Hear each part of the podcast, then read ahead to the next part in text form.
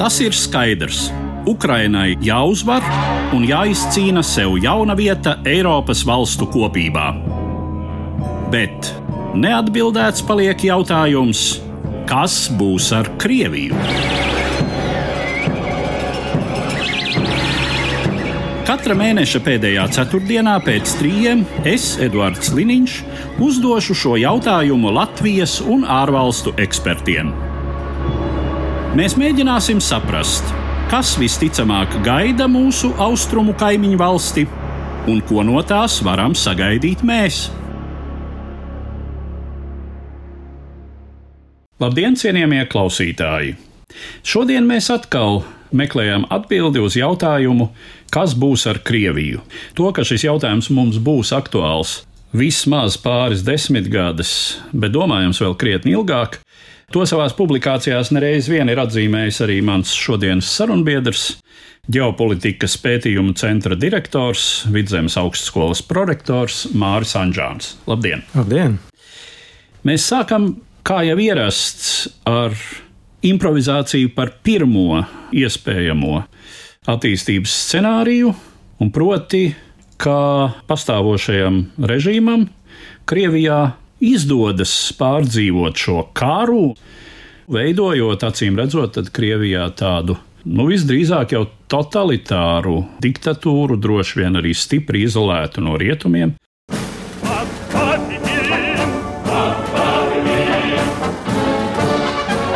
Pirmais scenārijs - pa ordas traktu.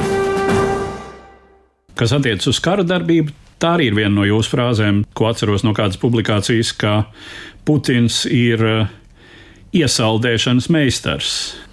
Pārfrāzējot sevi par Putinu kā iesaldēšanas meistaru, es domāju, ka to var daļai attiecināt arī uz Krievijas nākotni.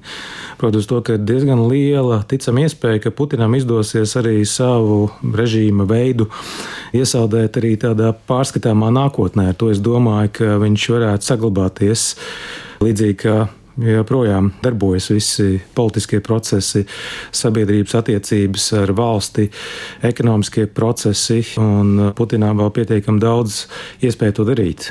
Jo šobrīd tuvojas prezidenta vēlēšanas. Es būtu ļoti pārsteigts, ja Putins nekandidētu. Un, nu, viņam iespējas ir palikt amatā vēl līdz 2036. gadam.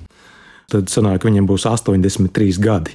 Protams, paraugoties uz ASV prezidentu Joe Baidenu un nu, viņa arī ticamāko sancens Donaldu Trumpu, tas nešķiet tik eh, neticami, bet es domāju, ka tas būtu nedaudz par daudz. 36 gadi ar pārtraukumu premjerēšanas laikā, gandrīz 40 gadi būtu viens cilvēks pie varas. Precedenti, protams, ir bijuši pagājušajā gadsimtā. Staļinam tie bija apmēram 30 gadi, Brežņevam eh, nepilni 20 Tāpat Pirenēja pusēlas diktatori sadzīvoja varā desmit gadus un tikai ar kājām pa priekšu pameta. Tā laikam ir, ka Putins ir kritisks saglabāšanās faktors visai tai sistēmai, kas ir viņa būvēta un ap viņu būvēta. Nu, precīzi, viņš ir bijis arhitekts un arī īstenotājs šai sistēmai. 2000. gadā, kā ievēlēts, tā arī turās pie varas. Putins, protams, ir, um, kā saka, pārsitis daudzus rekordus par kuriem bija runa tad, kad uh, šī militārā avantūra pagājušā gada februārī tika uzsākta. Tur bija runa par to, ka nu desmit tūkstoši kritušo Ukrainā, un tas jau būs par smagu šim režīmam. Ukrainas bruņoto spēku triecieni pa Krīmu.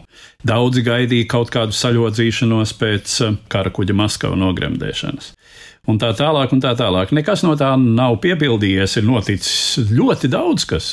Kara sākumā neiedomājams.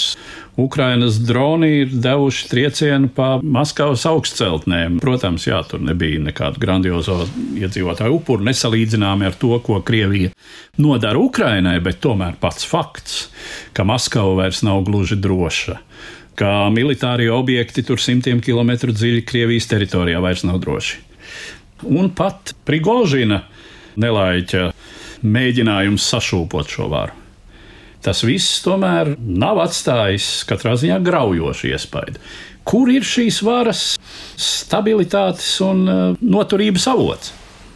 Es atceros, ka karš sākās arī tajā rītā. Man arī Latvijas radio vaicāja, nu, vai tas varētu novest pie Krievijas, kā mēs to zinām, beigām, vai Putina režīms varētu krist, un toreiz instinktīvi atbildēja, ka nē. Diez vai tas vedīs Putina režīmu uz beigām, un, diemžēl, te prognozē turās pavotiem runājot, domāju, tādi ir diezgan daudz. Nu, viens, cik daudz vispār ir demokrātijas bijis Krievijā. 90. gadi arī nu, bija salīdzinoši vēl brīvība 2000. gadu, pirmā desmitgada, un tad pakāpeniski jau tika piegrieztas skrūves.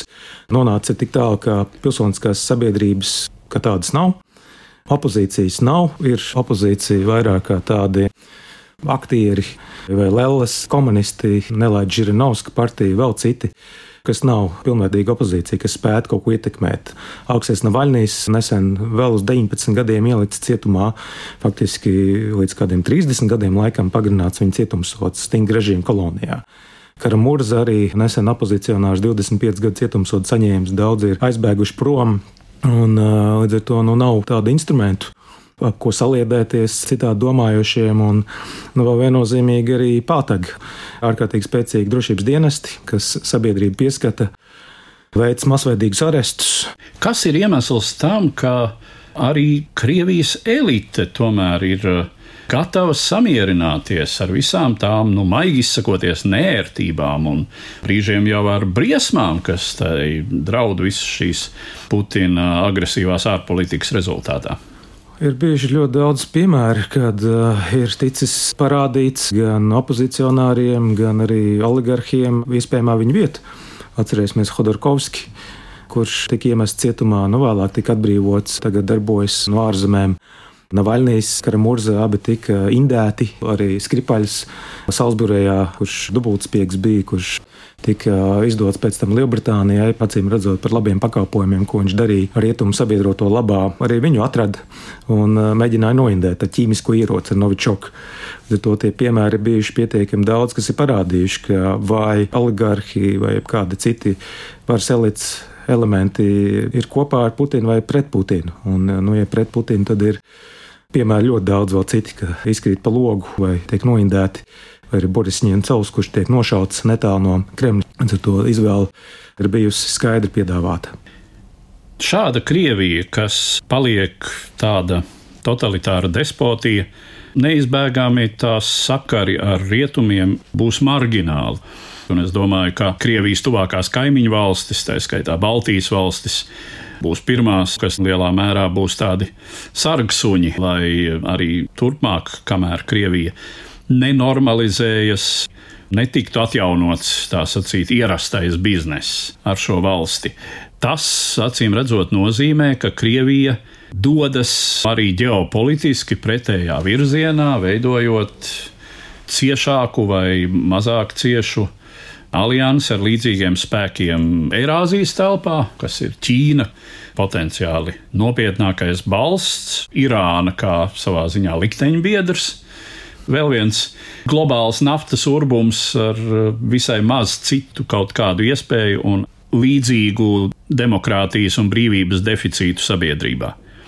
Nu, un vēl droši vien, nu, var saukt Ziemeļkoreju, droši mhm. vien, un tad tādus salīdzinoši maznozīmīgākus potenciālos un esošos partnerus, kā Sīrija un tā tālāk.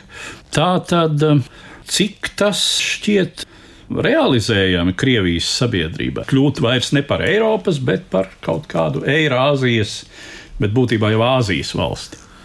Nu jā, Krievijai ir interesanti draugi, kā teicienā, pasaka, kas tev draugi, pateikšu, kas tu esi.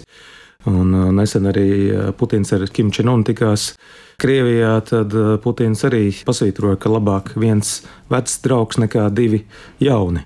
Nu, un tie Krievijas draugi, nu, protams, pamatā ir tirāni, Tad eh, valsts, kuras vada šādu vai tādu tirāni ar asinīm aptraipīti, bet nu, viņi izrādījušies pietiekami uzticami. Liktos, ko tad viņi var dot. Bet, redz, Irāna sūta šos lidojošos mopēdus, šahed dronus, Ziemeļkoreja artērija lādiņus, un tie draugi turās kopā.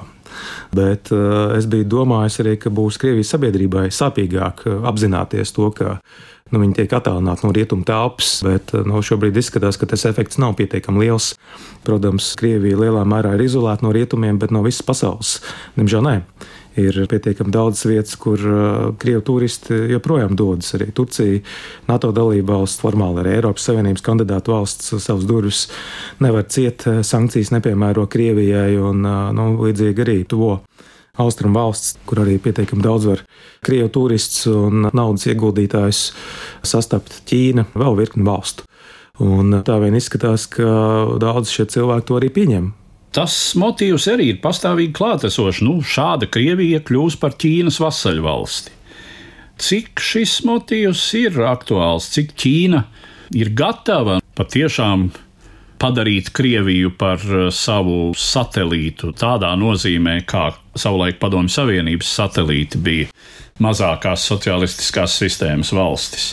Vai Ķīnai ir tik liels, teiksim, tas gravitācijas spēks, lai tomēr tādu vienību kā Krievija ievilktu dziļi savā orbītā?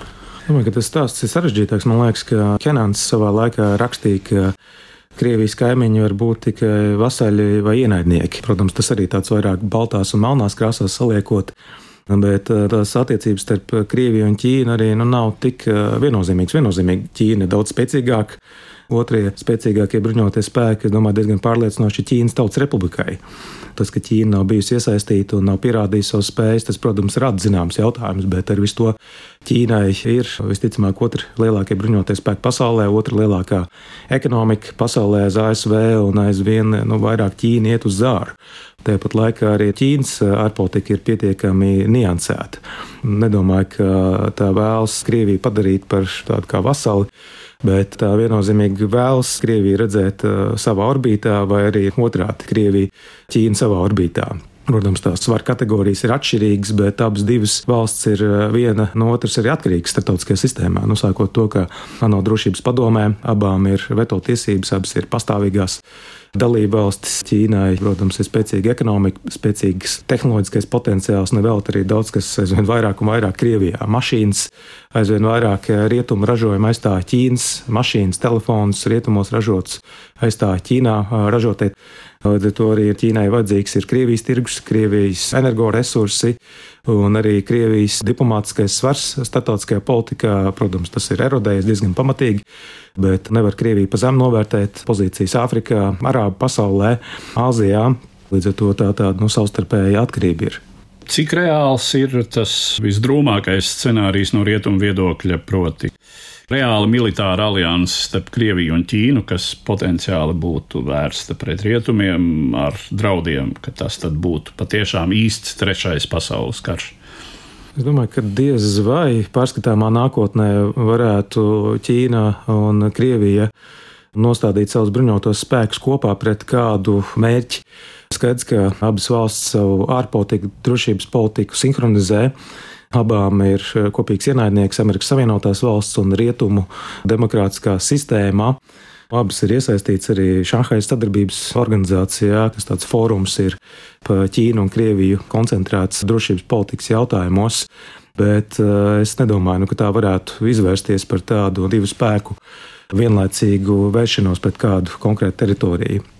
Ko šāda joprojām totalitāra un acīm redzot arī joprojām agresīva Krievija nozīmētu nākotnē mums. To, ka nedrīkst nemirkli atslābt, un ka labi zināmajā teicienā teica, ja nebaros savu armiju, baros svešu armiju, un 3%, uz kuru Baltijas valsts visas trīs virzās, tuvojās diezgan sprigāni. Domāju, ka tas ir minimums. Šeit ir jādomā par vēl apjomīgākiem bruņotiem spēkiem, jo no nu, arī kā Ukraiņas piemērs parāda, ka tikai un vienīgi spēcīgi bruņotie spēki spēja izglābt Ukraiņu. Protams, rietumu sabiedrotu atbalsts nebūtu bijis tas arī būtu ļoti smagi. Un, ja mēs virzāmies uz 3%, pagājušajā gadā Ukraiņas aizsardzības izdevumi bija aptuveni 34% no IKP aizsardzībai. Tā kā var iedomāties par to milzu apjomu. Krievija arī pati nākamajā gadā plāno tērēt vairāk. Ja šogad tie bija aptuveni 4%, tad nākamajā gadā tie varētu būt ap 6%. Kaut gan ļoti ticams, ka faktiski izdevumi ir vēl lielāki.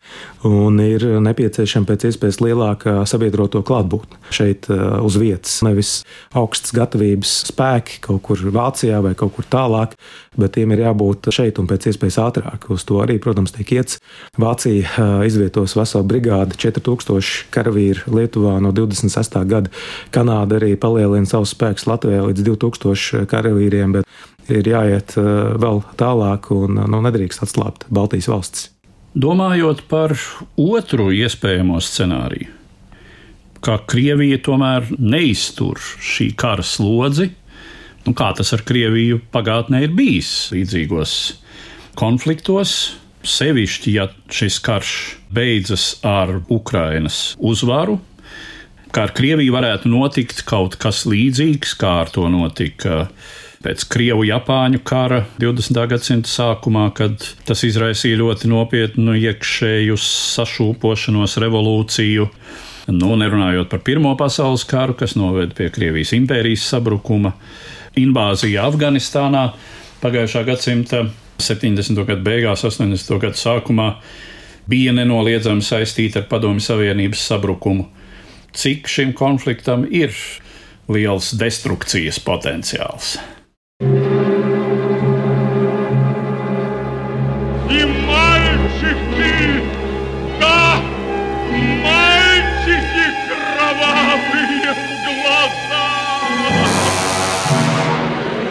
Otrais scenārijs - juku laiki.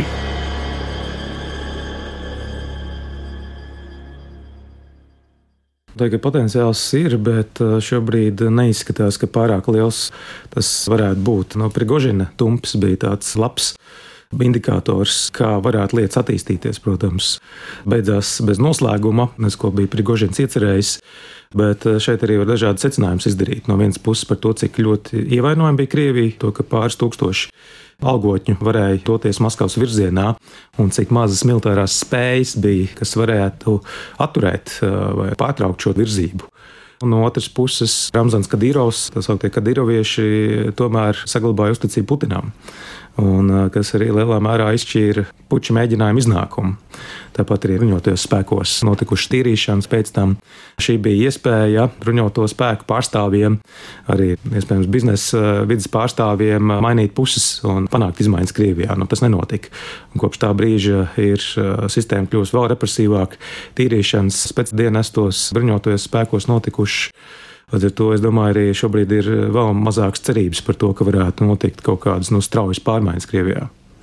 Jā, lai gan e, zīmīgi bija arī tas, ka sabiedrība, publika ielās tajās pilsētās, kuras ieņēma šie Prigožina algotņi, dumpinieki, tur e, pilnīgi nebija vai bija minimāls kādas izpausmes, ka kādam tas varētu nepatikt, ka viņi aktīvi atbalstītu esošo vāru. Drīzāk tas efekts bija tāds, ka nu, cilvēki uz to skatījās ar ieinteresētību, ar zināmu iedvesmu. Tas, protams, bija visai simptomātiski. Tādu satricinājumu gadījumā sabiedrība īsti nav gatava aktīvi iesaistīties pastāvošās varas pusē. Jā, nu tas parādīja to, ka sabiedrība varētu būt arī apātiska potenciāli varas maiņas gadījumā. Nu, proti, ne gluži vienu, ne otru pusi atbalstīt. Prigožina dumpja laikā bija jautājumi, vai cilvēki saprata, kas tieši notiek. Nu, ja var ticēt Levadas centra datiem par Putina uzticamības reitingu, tad tie ir aptuveni 80%, kas atbalsta. Un skaidrs, ka tie viedokļi ir ļoti dažādi sabiedrībā. Levādas dati arī tiek kritizēti par to, ka nu, netiek pateikts, cik daudzi atsaka sniegt atbildes. Līdz ar to tā situācija var būt dažāda.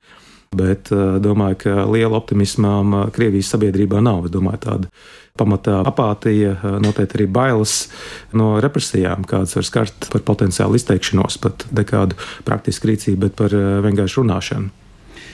Tiek gan minēts arī tas arguments, ka Krievijas reģioni ļoti nozīmīgi cieš no tā, ka centrs tos ekonomiski izsūc ka faktiski Maskava atņem lielāko daļu līdzekļu arī tiem reģioniem, kur šī nauda reāli tiek ražota. Tur, kur ir fosilā kurināmā ieguves, kur ir citi derīgie izrakteņi, kur ir attiecīgi apstrādājošā rūpniecība. Un šie reģioni joprojām dzīvo trūkumā un daudz kur atpalicībā Un tajā pašā laikā, nu jā, Maskava ir metropole ar uh, spožumu, ar uh, izsmalcinātu dzīvi, bieži vien baudošu sabiedrību. Vai tas nav faktors? Arī tas, ka pastiprināti tieši no šiem atpalikušajiem reģioniem cilvēki nonāk frontē. Jā, nu tāda neapmierinātības situācijas jau ir bijušas Kaukazā, nu, arī video nonākuši publiskajā telpā, kur tieši protestē par to, ka tas nav šo iedzīvotāju karš. Tāpat laikā neraugās Krievijas ekonomika atkal pa tiem datiem ir piesardzīgi jāraugās, bet Krievijas ekonomika tīri stabili turās virs ūdens, nestoties uz sankcijām, uz izolētību no rietumiem. Nu, šeit naftas un dabasgāzes cenu pieaugums spēlē savu lomu, un tas ļauj Krievijas valstī uzturēt kaut cik pienācīgu dzīves līmeni. Ir, kā minēja, apgabali, no kuriem tiek vairāk ņemts, bet ir tādi, kur saņem nedaudz vairāk nekā iegūt kopējā Krievijas budžetā. Līdz ar to ekonomikai ir ļoti liela nozīme, un es domāju, tiešām, ja mēs redzēsim problēmas lielākas Krievijas ekonomikā, tad tas var liecināt par kādiem būtiskākiem satricinājumiem, un tas var cilvēks izvest ielās. Tad kopumā vērtējot, cik ticams šķiet iespējamais Krievijas sabrukuma vai katrā ziņā spēcīgu centrbēdzes tendenci variants? Domāju, ka diezgan maz ticams. Protams, neko nevar izslēgt attiecībā uz Krievijas tālāko. Domāju, pirmkārt, jāraugās tagad uz Krievijas prezidenta vēlēšanām. Nu, es tiešām būtu ļoti pārsteigts, ja Putins nekandidētu vai viņš tālāk turpinās vēl 12 gadus valdīt vai nē. Es uh, drīzāk pieņemu, ka viņš mēģinās to nodot kādam citam cilvēkam, tādā vadītā veidā, nemēģinot provocēt kādas potenciālas uh, jaunas revolūcijas vai dumpjus. Bet, ja raugās uz tādu potenciālu sabrukumu variantu, es nedomāju, ka tas ir labākais pasaulē. Jo no Prigožina dums, no, ja viņš būtu izdevies, tad ko Prigožins prezidents un premjerministrs Kadīrovs var būt? Pasaulē lielākās kodolvaras vadībā. Līdz ar to arī no nu, daudz vietā rietumos joprojām izplatīta doma, ka varbūt labāk ir zināms ļaunums nekā nezināms ļaunums. Jo, ja sākās kaut kādi konflikti Krievijas iekšienē, starp privātajām armijām, kādas nu, ir virkni vēl bez Wagner vai arī cita veida spēlētājiem, organizētās noziedzības grupas vai puses autonomās republikas, tad tas haoss varētu būt tāds, ka viņi var būt grūti savākt kopā. Cik rietumi potenciāli varētu būt uh, gatavi iesaistīties? Jebkādā situācijas stabilizēšanā, nu, ar konkrētu spēku, mēs varam priekšstatīt kaut kādu intervenciju Krievijas teritorijā, piemēram, lai novērstu potenciālu kodolieroču nonākšanu nejaušās rokās. Domāju arī, ka tā iespēja diezgan maza. To arī rāda, ka Ukrainā, kā rietumi, turpina būt stingri atbalstoši Ukrainai, bet uh, tieši rietumu karaspēka iesaistīšana Ukrainā tas ir ļoti, ļoti maz ticama. Iespējamais trešais scenārijs - vai Krievijai ir cerības tomēr veikt kādu demokratizācijas mēģinājumu numuru divi un tomēr kļūt par eh, rietumu sabiedrības pelnīti respektētu locekli.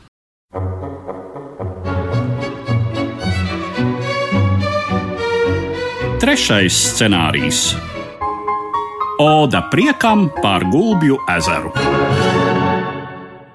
Tas varētu būt viens no variantiem. Es pilnībā neizslēgtu to, ka Putina mantinieks, lai vai kurš tas varētu būt, mēģināt normalizēt eh, Krievijas tēlu rietumos. Paies daži gadi, tad, protams, redzēsim, kā būs lietas attīstījušās, bet tas varētu būt variants līdzīgi kā Putins un Medvedevs samainījās 2008. gadā.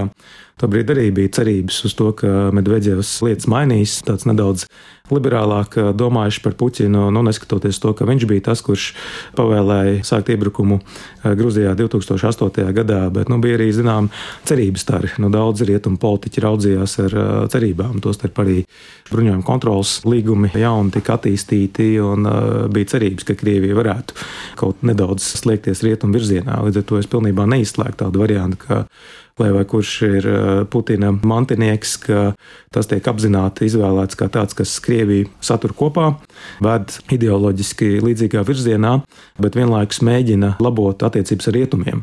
Bet nu, tas nav viennozīmīgi nākamā vai aiznākamā gada jautājums. Vai rietumiem pietiktu ar kaut kādu pieņemamu nolīgumu Ukrainas sakarā, bet Krievijas iekšējos situāciju atstājot pašu Krievu ziņā Cik vispār, jūsuprāt, ir iespējama atgriešanās situācijā pirms 2014. gada?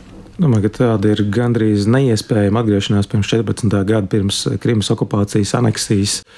No otras puses, ir augās pēc 14. gada arī pakāpeniski karš Ukrainā tika piemirsts. Pilnībā, kā vēsture rāda, tādu scenāriju nevar izslēgt. Protams, tas, kas bija Krimā, Krimas uh, okupācija, aneksija, nav salīdzināms ar karu kopš 24. februāra 22. gadā.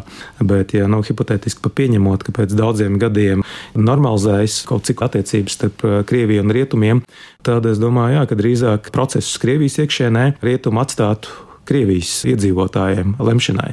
Nu, šeit ir eh, pietiekami daudz pieredzes pēdējo divu desmitgažu laikā bijuši rietumiem.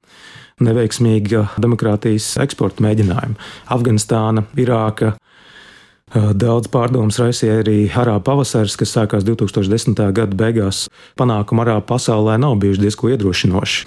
Tāpat Sīrija, kur nu, jau vairāk nekā desmit gadus turpinās pilsoņu karš, ka tās mācības, ko ir eh, nesis karš Irākā, Afganistānā, Arābu pavasaris, ir bijušas tādas, ka iespējams labāka kārtība, zem stingras rokas, lai cik tas nu, nebūtu ciniski, nekā hauss ar visām tām sekām.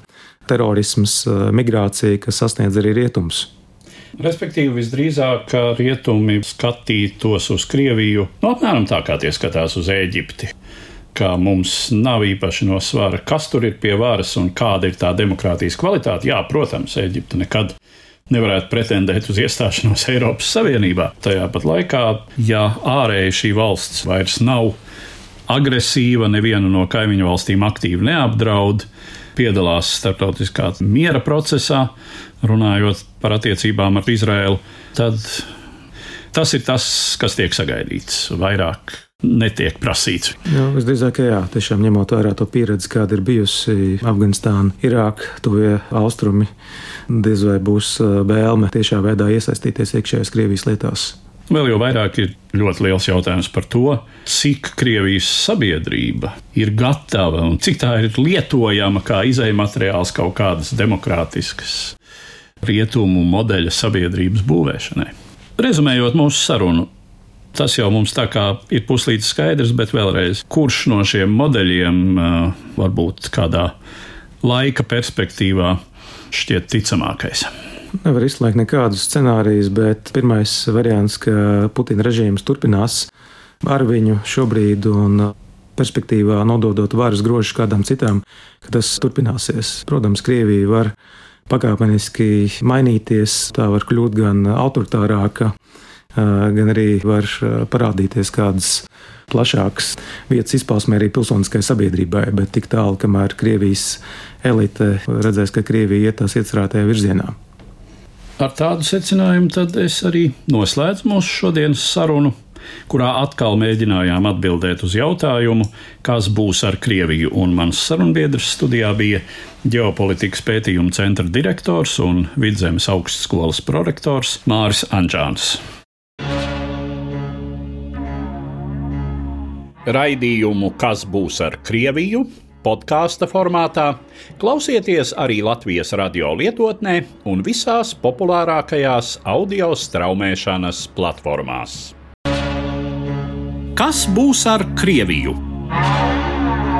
Neizbēgamie jautājumi un iespējamās atbildes par mūsu austrumu kaimiņu valsts nākotni